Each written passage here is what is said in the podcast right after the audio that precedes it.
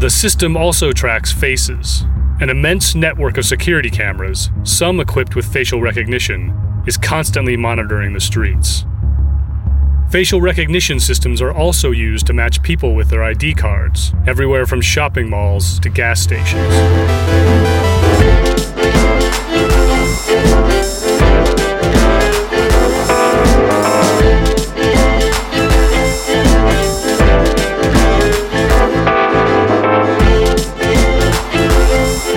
Dit is Radio Rechtsstaat met Nienke Venema, Jelle Klaas en Andreas Willemsen.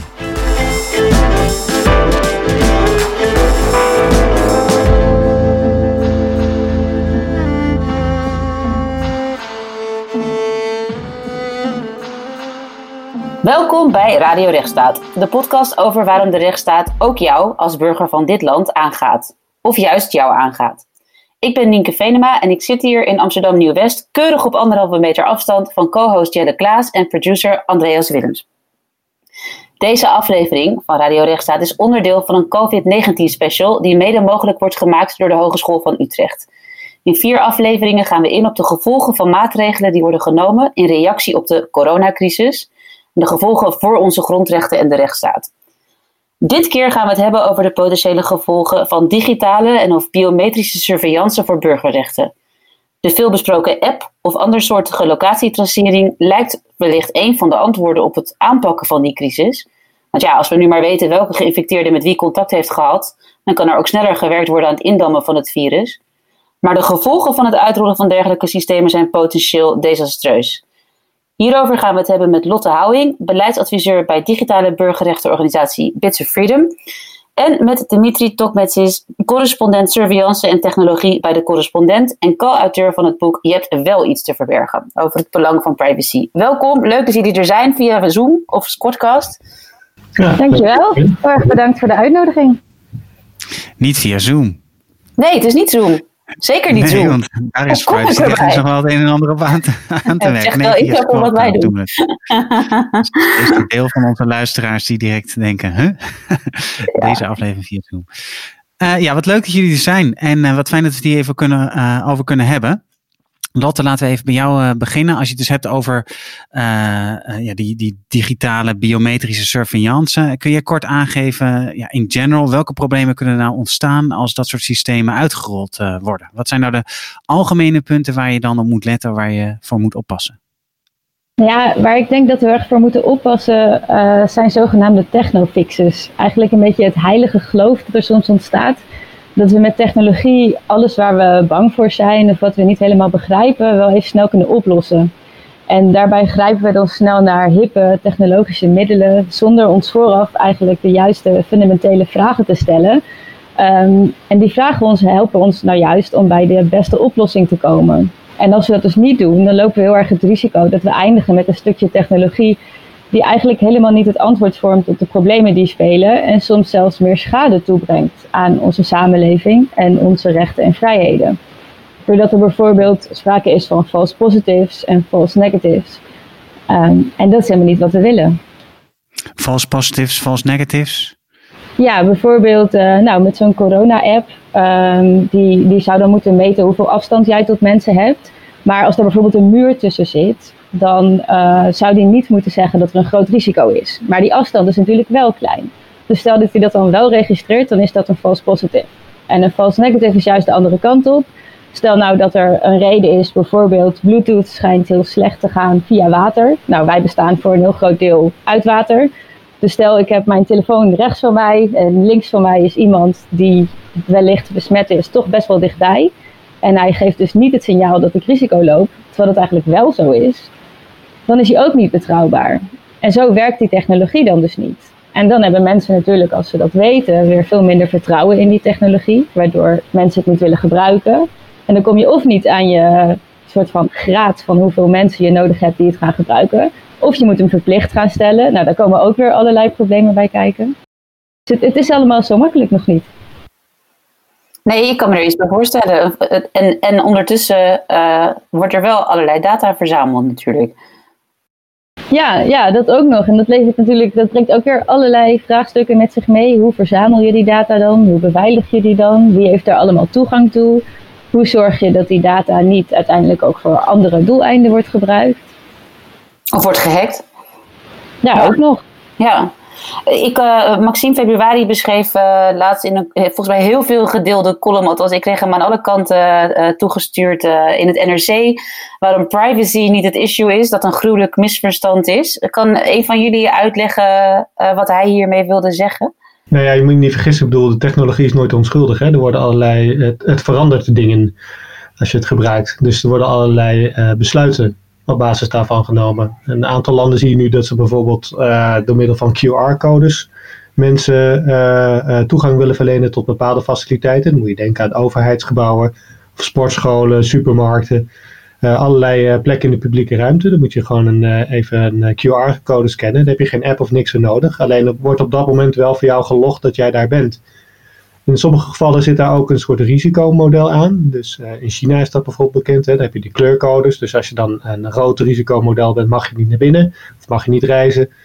Uh, een gele, dan mag je op bepaalde plekken niet komen en een groen wel. Nou, er zijn meerdere landen die, die dat inmiddels doen. De Bahrein zag ik toevallig net voorbij komen. En uh, volgens mij ook de Verenigde Arabische Emiraten. En een aantal andere landen die overwegen dit. Het punt is, um, zo'n kleur bepaalt dus of je ergens naar binnen mag of niet. dan moet het wel kloppen. En dan is de vraag op basis van wat voor soort data wordt uh, dit soort besluiten dan genomen. Dan zeggen ze ja, er zit allemaal kunstmatige intelligentie achter. Maar ja, dat werkt ook maar net zo goed als de datakwaliteit die erin stopt. Dus stoppen de troepdata in, dan krijg je ook rare dingen uit. Maar zo'n code, en eh, dan kan je zeggen ja, het is vervelend dat mensen weten dat ik op die plek ben geweest. Maar hier is de consequentie groter. Uh, namelijk dat je ergens gewoon niet binnenkomt. Of dat je thuis moet blijven. En vaak weet je niet waarom. Dus er worden op basis van jouw data worden allerlei besluiten genomen. En jij weet niet waarom. Eh, en dat beperkt je in je omgang. En dat werkt natuurlijk ook zo met zo'n eh, corona-app die we in Nederland aan het ontwikkelen zijn. Met die valse positieven waar uh, Lotte het net over had, bijvoorbeeld. Als daar de consequentie aan vastzit dat jij je moet laten testen of dat je thuis moet blijven, heeft dat wel degelijk andere gevolgen voor jou. Namelijk dat je bijvoorbeeld niet naar je werk kan of dat je niet naar familie kan of dat soort dingen. En dan moet je wel heel zeker weten dat die data goed zijn. Dus ja, het gaat deels om privacy, maar het gaat ook echt wel om bewegingsvrijheid en, en transparantie en inzage. En, dat je weet waarom een bepaald besluit is genomen. Omdat het gewoon gevolgen heeft. Het is een beetje COVID-bingo inmiddels, maar dit, is, dit klinkt als een aflevering van Black Mirror. Een soort uh, kruising tussen nose, uh, wat was het weer? Nose dive en uh, nou ja, goed. Nou, ik moet zeggen, de afgelopen vier jaar voelen als één grote aflevering van Black Mirror. Daar zou ik graag nog eens met je over doorpraten. Ja, het gaat dus ook om de toegang tot bepaalde rechten. Hè? En de toegang te, je zegt, als je bepaalde gebouwen niet in kan, dat kan ook een gemeentehuis zijn bijvoorbeeld, waar je dan wat wil aanvragen. Ja. Lotte, had jij nog iets op aan te vullen? De filosoof in mij wil dat wel. Um, wat ik er ook heel erg in zie, is eigenlijk een beetje een vraag: ja, wat, wat is nou privacy en wat zijn de grenzen van privacy? En ik ben het heel erg eens met uh, punten die Maxime Februari in de, in de column maakt en uh, die die niet eigenlijk ook al een beetje uithaalt. Hè, van het gaat ook om andere fundamentele zaken. Um, maar ik vind het wel interessant dat als je kijkt ook um, naar zijn titel, dan zegt hij eigenlijk: ja, privacy is het punt niet. Maar dat is een hele beperkte invulling van wat privacy is. Een heel erg een idee van privacy is een individueel recht. En dat gaat eigenlijk een beetje om het idee dat je soms dingen voor jezelf mag houden. Bijvoorbeeld ja, dus, uh, databescherming. Ja, een, een, beetje het idee van uh, als gegevens niet herleidbaar zijn tot het individu, dan is er geen privacyprobleem. Um, en ik vind dat zelf eigenlijk een veel te beperkte opvatting van wat privacy allemaal is of kan zijn. Um, en ik zou dat eigenlijk veel, veel breder stellen. En dan raakt het ook al veel meer aan die andere fundamentele zaken die Maxime Februari ook aanhaalt. Zoals, hey, er spelen hier hele fundamentele dingen, zoals toegang tot de rechter, um, het gelijkheidsbeginsel, betrouwbaarheid van de overheid. Dat hangt ook wel allemaal met elkaar samen. En ik denk dat je daar privacy wel als basis voor nodig hebt. En dat we dus eigenlijk veel meer naar een soort uh, collectief begrip van privacy moeten. Ja, ja, dus het gaat niet alleen om jouw eigen rechten, maar het gaat ook om het, de samenleving als geheel die aangetast wordt. Ja, ja, ook als je kijkt naar um, bijvoorbeeld gegevens die nu door Google uh, worden verzameld, echt, echt massasurveillance, waar heel veel gegevens worden verzameld van mensen, dan kun je als het ware de bewegingen van een hele bevolking daarmee in kaart brengen. En dan kun je misschien wel zeggen van ja, maar je kunt er niet meer uithalen uh, hoe ik mij als individu beweeg. Maar je kunt nog wel beslissingen maken op basis van die gegevens, die wel uiteindelijk een individu raken. En voor mij speelt daar dan wel een privacy kwestie. Ja, en Dimitri, jij noemde net al eh, China en uh, Bahrein, geloof ik. Zijn er nog andere, bijna als dystopisch aan te merken, voorbeelden uit het buitenland die je belangrijk vindt, die je ziet gebeuren nu rondom corona? Ook in het binnenland. Ik bedoel, we kijken bij dit soort dingen altijd naar overheden en zo. En natuurlijk, overheden hebben veel macht. Ehm, maar wat je denk ik nog veel meer zal gaan zien zijn bedrijven, werkgevers die bepaalde registraties gaan eisen. Zoals die QR-code waar ik het net over had. Hè? Dus dat je moet scannen om ergens binnen te komen. En eh, dat er ook een inschatting wordt gemaakt van het risico dat jij eventueel vormt. Ik denk dat je dat bij heel veel bedrijven gaat zien de komende maanden. Je ziet, al allerlei bedrijven daarop inspelen. Die dat dan gaan aanbieden en gaan verkopen. Als jij bijvoorbeeld straks naar een groot kantoor wil. Dan zal je waarschijnlijk, is het risico best groot dat je moet gaan scannen om daar binnen te komen. Dat gelogd wordt. En dat je ook uh, op je afdeling misschien moet gaan scannen. Misschien zelfs op je kamer moet gaan scannen. En dat je werkgever ook inzage wil in jouw gezondheidssituatie bijvoorbeeld. En vanuit het perspectief van zo'n pandemie kan ik dat wel begrijpen. Hè? Je hebt als werkgever natuurlijk ook een zorgplicht naar, je, naar al je werk, werknemers toe. En je wil ook niet dat, een, dat je werknemers worden besmet. Maar reken er maar op dat je straks op veel meer plekken dan alleen de openbare ruimte jezelf moet laten inzien, eigenlijk moet laten scannen op allerlei verschillende manieren. Um, dus ja, volgens mij gaan we dit nog veel meer zien uiteindelijk. En de vraag is dan, ja, kun je dan nog nee zeggen? Ik denk niet dat je, ja, tegen de overheid, dat kun je weigeren vaak wel. Want omdat het met allerlei rechten zijn omgeven. Tegen werk, bij een werkgever kun je dat misschien weigeren. Maar in de praktijk is dat natuurlijk best lastig om nee te zeggen tegen je werkgever. In zo'n geval. En zal je waarschijnlijk toch akkoord gaan, misschien met een vorm van surveillance waar je niet achter staat. We hebben het eigenlijk over hoe, hoe die datavergaring van uh, eigenlijk zijn doel bijna voorbij gaat dan. Dus het begint bij, bij misschien een serieuze zorg en, en iets van valse macht of valse controle wordt uiteindelijk. Ja, ik weet het niet. Ik, ik vind het een hele cynische blik. Ik, ik denk dat je er heel voorzichtig mee moet zijn. Vanuit een werkgeversperspectief kan ik het voorkomen begrijpen dat ze dat willen. Uh, wat ik al zei, ik bedoel, ze hebben ook echt wel een zorgplicht daarvoor. En je wil niet dat, je, dat er iemand rondloopt die iedereen loopt te besmetten bijvoorbeeld. Alleen er is natuurlijk een enorme frictie over uh, uh, met de rechten van de werknemers die dat aangaat uiteindelijk. Ik, ik, ik, vind, het, ik vind het zelf een hele moeilijk hoor. Dat, ja. Ja, je zou niet willen dat je werkgever zomaar in je gezondheidsinformatie kan neuzen bijvoorbeeld. Zeker we hebben arbeids... Nee. we hebben dokters voor die daarin gespecialiseerd zijn en zo. En, maar ik denk dat daar heel veel frictie over zou komen de, in de komende maanden. Dat ze het willen, dat begrijp ik wel. Of het helpt, ik, ik, ik moet het nog maar zien. Ik bedoel, uh, het is helemaal niet duidelijk wanneer je symptomen hebt. Het is helemaal niet duidelijk of dat contact tracing, als daar uh, dat je risico vergroot. of dat inderdaad klopt. Dus ja, er zitten zoveel haken en ogen aan. Dus ja, ik denk dat dat wel tot flinke discussie zal leiden op heel veel werkvloeren de komende tijd. Ja. Hm.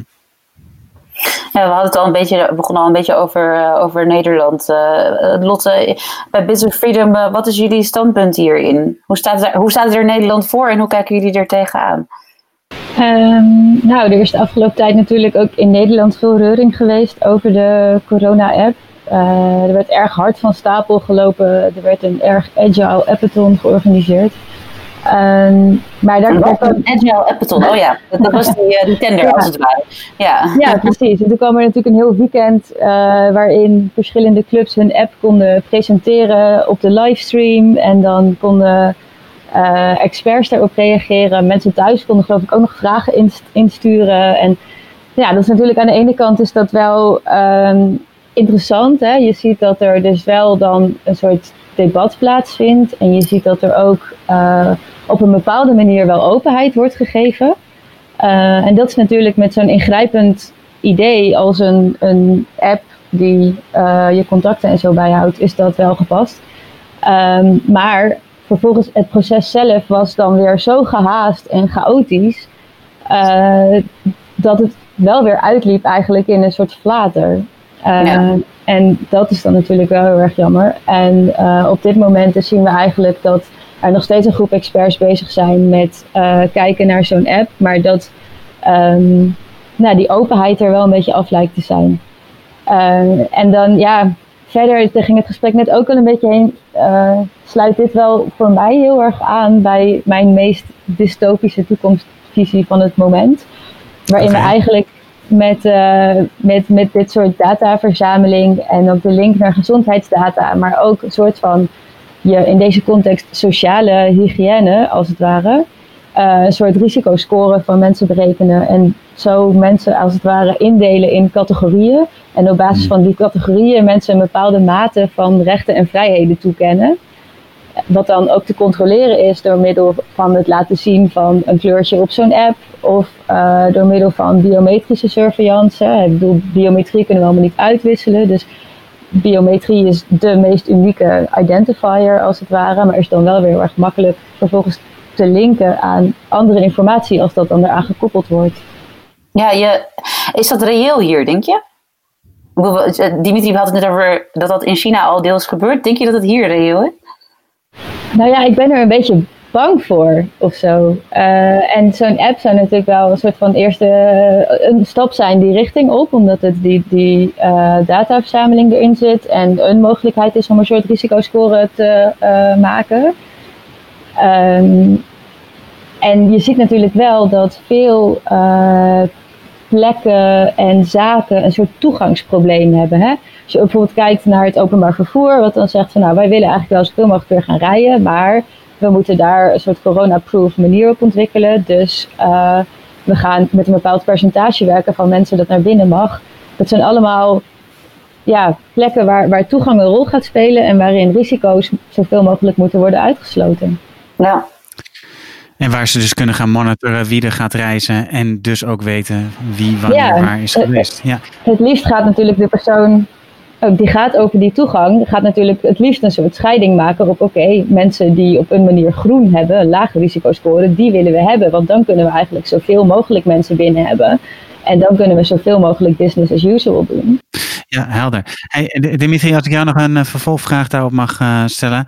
Is uh, als je kijkt naar wat er allemaal gebeurt in de wereld. In Nederland staan er dus ook een aantal van dat soort dingen te gebeuren. Is er ook veel discussie over. En er wordt nogal eens gezegd dat Nederlanders over het algemeen wat minder scherp zijn op hun digitale rechten en privacyrechten dan mensen bijvoorbeeld in Duitsland. Um, ja, is dat ook zo, denk je? Zit het ook in onze cultuur om de overheid te vertrouwen? En ben je er bang voor dat mensen te snel dit soort maatregelen, die Lotte net ook beschrijft, uh, zullen accepteren? Mm, nou, ik denk als je dat vergelijkt met Duitsland, dan is Nederland inderdaad uh, niet het meest privacybewuste land. Uh, maar dat komt denk ik vooral omdat ze in Duitsland heel erg privacybewust zijn. Als het vergelijkt met andere landen vind ik het wel meevallen. Ik denk dat hier best veel discussie is en ook wel ruimte voor kritiek. Als je kijkt naar andere landen, buiten Europa bijvoorbeeld, is privacy geen dat totaal niet mee. Echt totaal niet gewoon. Bedoel, uh, de apps hebben geen privacyverklaring of helemaal niks. Wordt niet uitgelegd wat er met die data gebeurt. Um, ik denk zelf dat het vertrouwen van Nederlanders wel redelijk groot is. In de eigen overheid nog steeds wel. Het begint nu wel een beetje te verzwakken, merk je de laatste, laatste tijd. Uh, maar ik denk uiteindelijk niet dat. Uh, ja, het probleem bij de hele discussie over die app vind ik een van de belangrijkste vragen is gewoon nooit gesteld. En dat is, hebben we überhaupt nodig. Uh, ik denk het niet, eerlijk gezegd. Ja. Ehm, en je ziet nu ook wel dat overheden daar zelf terug van beginnen te komen, ook de Nederlandse overheid. Uh, een tijdje geleden, een paar weken geleden, was uh, de app was nog een voorwaarde van, uh, van Hugo de Jonge om überhaupt over een lockdown na te kunnen gaan denken. Eerst moest uh, die app er zijn, dan kon de lockdown uh, worden versoepeld. En dus, dat hoorde je wel in meerdere landen. En inmiddels hoort het nergens meer. Ik bedoel, is het meer van nou leuk dat we hem erbij hebben. En het kan helpen, maar het is geen, zeker geen voorwaarde meer. Je ziet dat in heel veel landen nu eigenlijk wel zo'n app en ook die technologie wel een wat meer ongeschikte rol begint te krijgen. En dat ze toch maar wat meer handmatig werk gaan doen met contact tracers en, en, dat soort dingen. Het komt natuurlijk door jullie, Lotte. Door jullie kritiek dat daar naar wordt geluisterd. Toch? Precies, ja. Maar wordt er naar jullie geluisterd? Heb je dat idee? Um, serieus. nou ja, ja, ik denk zeker wel. Ik heb wel het gevoel dat het uitmaakt wat wij doen. En uh, dat het ook zeker zin heeft dat mensen een stem verheffen op het moment dat, uh, dat zo duidelijk de grens in beeld komt. Um, dus ja, dat, dat ons werk en uh, daarin ook zeker de stemmen van anderen uitmaken, denk ik zeker wel, ja. Nou, dat vind ik toch ook hoopgevend, ondanks uh, dat we in uh, dystopian nightmares uh, kennelijk terecht aan het komen zijn, of, of er al jaren in zitten. Dimitri, jij bent ook journalist en schrijver, of je bent journalist en schrijver. wat denk jij nou dat de beste manier is om mensen te informeren over hun digitale rechten, en, zonder dat het te abstract wordt? Zijn er bijvoorbeeld voorbeelden die je dan gebruikt? hoe, hoe, zou, hoe doe je dat? Hoe pak je dat aan? Nou, ik moet zeggen, laat, ja, het laatste jaar is sowieso al veel verbeterd hoor. Ik bedoel, uh, ik schrijf al uh, sinds uh, wat is het, 2006 over dit onderwerp. En eerst was er gewoon weinig belangstelling voor. Je merkt dat die discussie echt was los, losgebrand. Ook, brand, ook over kunstmatige intelligentie, risicoscores en zo. Dat is echt wel een, een veel breder onderwerp geworden. Ik denk dat het belangrijk is dat je het mensen laat zien wat ermee gebeurt. En niet te veel focust op inderdaad het argument van heb je nou iets te verbergen. Want daar zijn mensen gewoon niet zo gevoelig voor. Dat is ook niet zo'n heel overtuigend argument om te zeggen, ja, je geeft wel alles aan Google en Facebook. Uh, waarom zou je dan moeilijk moeten doen over uh, dat de overheid iets van je weet? Uh, dus het is heel moeilijk om mensen daarin te overtuigen dat dat zo is. Maar ik denk zelf als je laat zien dat de inzet van dit soort technologie gevolgen heeft voor ze. Dus inderdaad dat misschien zo'n kleurencode kan bepalen of mensen wel of niet ergens naar binnen mogen. Of bijvoorbeeld in één keer niet meer van de trein gebruik kunnen maken. Ja, dat komt wel aan. Dus ik, ik zou, wat ik altijd probeer is wat meer op dat soort gevolgen te gaan zitten. Want dat begrijpen mensen en dan zien mensen ook wel de onrechtvaardigheid daarvan in. Ja, ja. Heb jij aanvullingen, Lotte? Wat gebruik jij? Um, nou, ik denk wel altijd dat situaties als dit, waarin in één keer hele heftige voorstellen wordt, wordt gedaan, en waar mensen dan ineens van denken van, oh, maar dit, dit gaat toch wel te ver, um, dat het ook wel kan helpen mensen te realiseren van, hé, hey, maar eigenlijk wordt er al heel veel uh, gegevens over mij verzameld en is er al heel veel mogelijk en is vaak wat zo extreem voelt helemaal niet zo heel anders van wat er eigenlijk al gebeurt. Zitten er alleen bepaalde kleine koppelingen tussen. Uh, en dat kan wel heel erg helpen om mensen uit te leggen van kijk, en dit is waarom sommige andere dingen die minder extreem voelen ook al heel problematisch zijn. Uh, als we met z'n allen gewoon niet heel bewust zijn van de systemen die we opzetten. Dus ik weet dat uh, op een gegeven moment gingen, konden mensen hun data downloaden van Google en had een of andere BN'er of uh, vlogger, ik weet het niet meer, een, een, kilometer of zoiets aan data. Dat, dat heeft, zoiets kan best wel veel teweeg brengen. Bedoel je dan dat soort concrete schakels of uh, was het abstracter? Uh, ik bedoelde het eigenlijk abstracter. Ik bedoelde bijvoorbeeld, soms vinden, lijken mensen niet zo'n probleem te hebben met allerlei databanken die worden opgetuigd. Maar als er een aantal dingen gelinkt worden en ze worden geconfronteerd met uh, dat totaalbeeld. dan is dat in één keer heel heftig. En dan kun je dus eigenlijk zeggen van ja, maar kijk, eigenlijk was heel veel hiervan al. En is het nu alleen bij elkaar opgeteld en daarom is het veel groter. Maar moet je dus eigenlijk al daarvoor uh, aan de bel trekken op het moment dat de systemen nou ja, worden opgetuigd. En niet op het moment dat ze er al helemaal aan het eind zijn. En ik denk ook dat wat we eerder bespraken, hè, dat proberen mensen uit te leggen dat het om de samenleving als geheel gaat. Dus hè, ook al heb jij niks te verbergen, misschien je buurman die uh, nou, uh, LGBTIQ plus is, niet uit de kast wil komen, of een of ander nieuw politiek idee heeft. Of uh, hè, er zijn natuurlijk heel veel groepen, ook met die toegang tot bepaalde plekken. Of het openbaar vervoer. Ja, als minder gezonde mensen daar dan niet meer in mogen. Hè, door te laten zien van dat het niet alleen maar over jou gaat, maar ook hè, de samenleving als geheel is misschien ook een goed uh, argument. Hey, en Lotte, als we uh, even proberen weg te stappen van het meer dystopische insteek, is er denk je ook een kans dat we sterker uit deze crisis komen, hè, uh, waar het gaat om die discussie over surveillance? Um, ja, ik, of moet het eerst flink misgaan? Ja, hoe voorkomen we dat het nieuwe normaal inderdaad een controle samenleving wordt? Um, nou, ik denk niet dat het eerst mis hoeft te gaan. Ik denk dat zo'n discussie als die we nu hadden, hè, dus zo'n appathon en, en hoe zo'n idee van zo'n app dan de samenleving ingeslingerd wordt, uh, iedereen stijgert en dan het idee weer weg appt, uh, dat was denk ik een, een wakkerschudder. En daar zit potentie in hier sterker uitkomen. Um, al helemaal als die nu niet wordt ingevoerd, denk ik, nou, dan is het uiteindelijk toch misschien nog wel ergens goed voor geweest.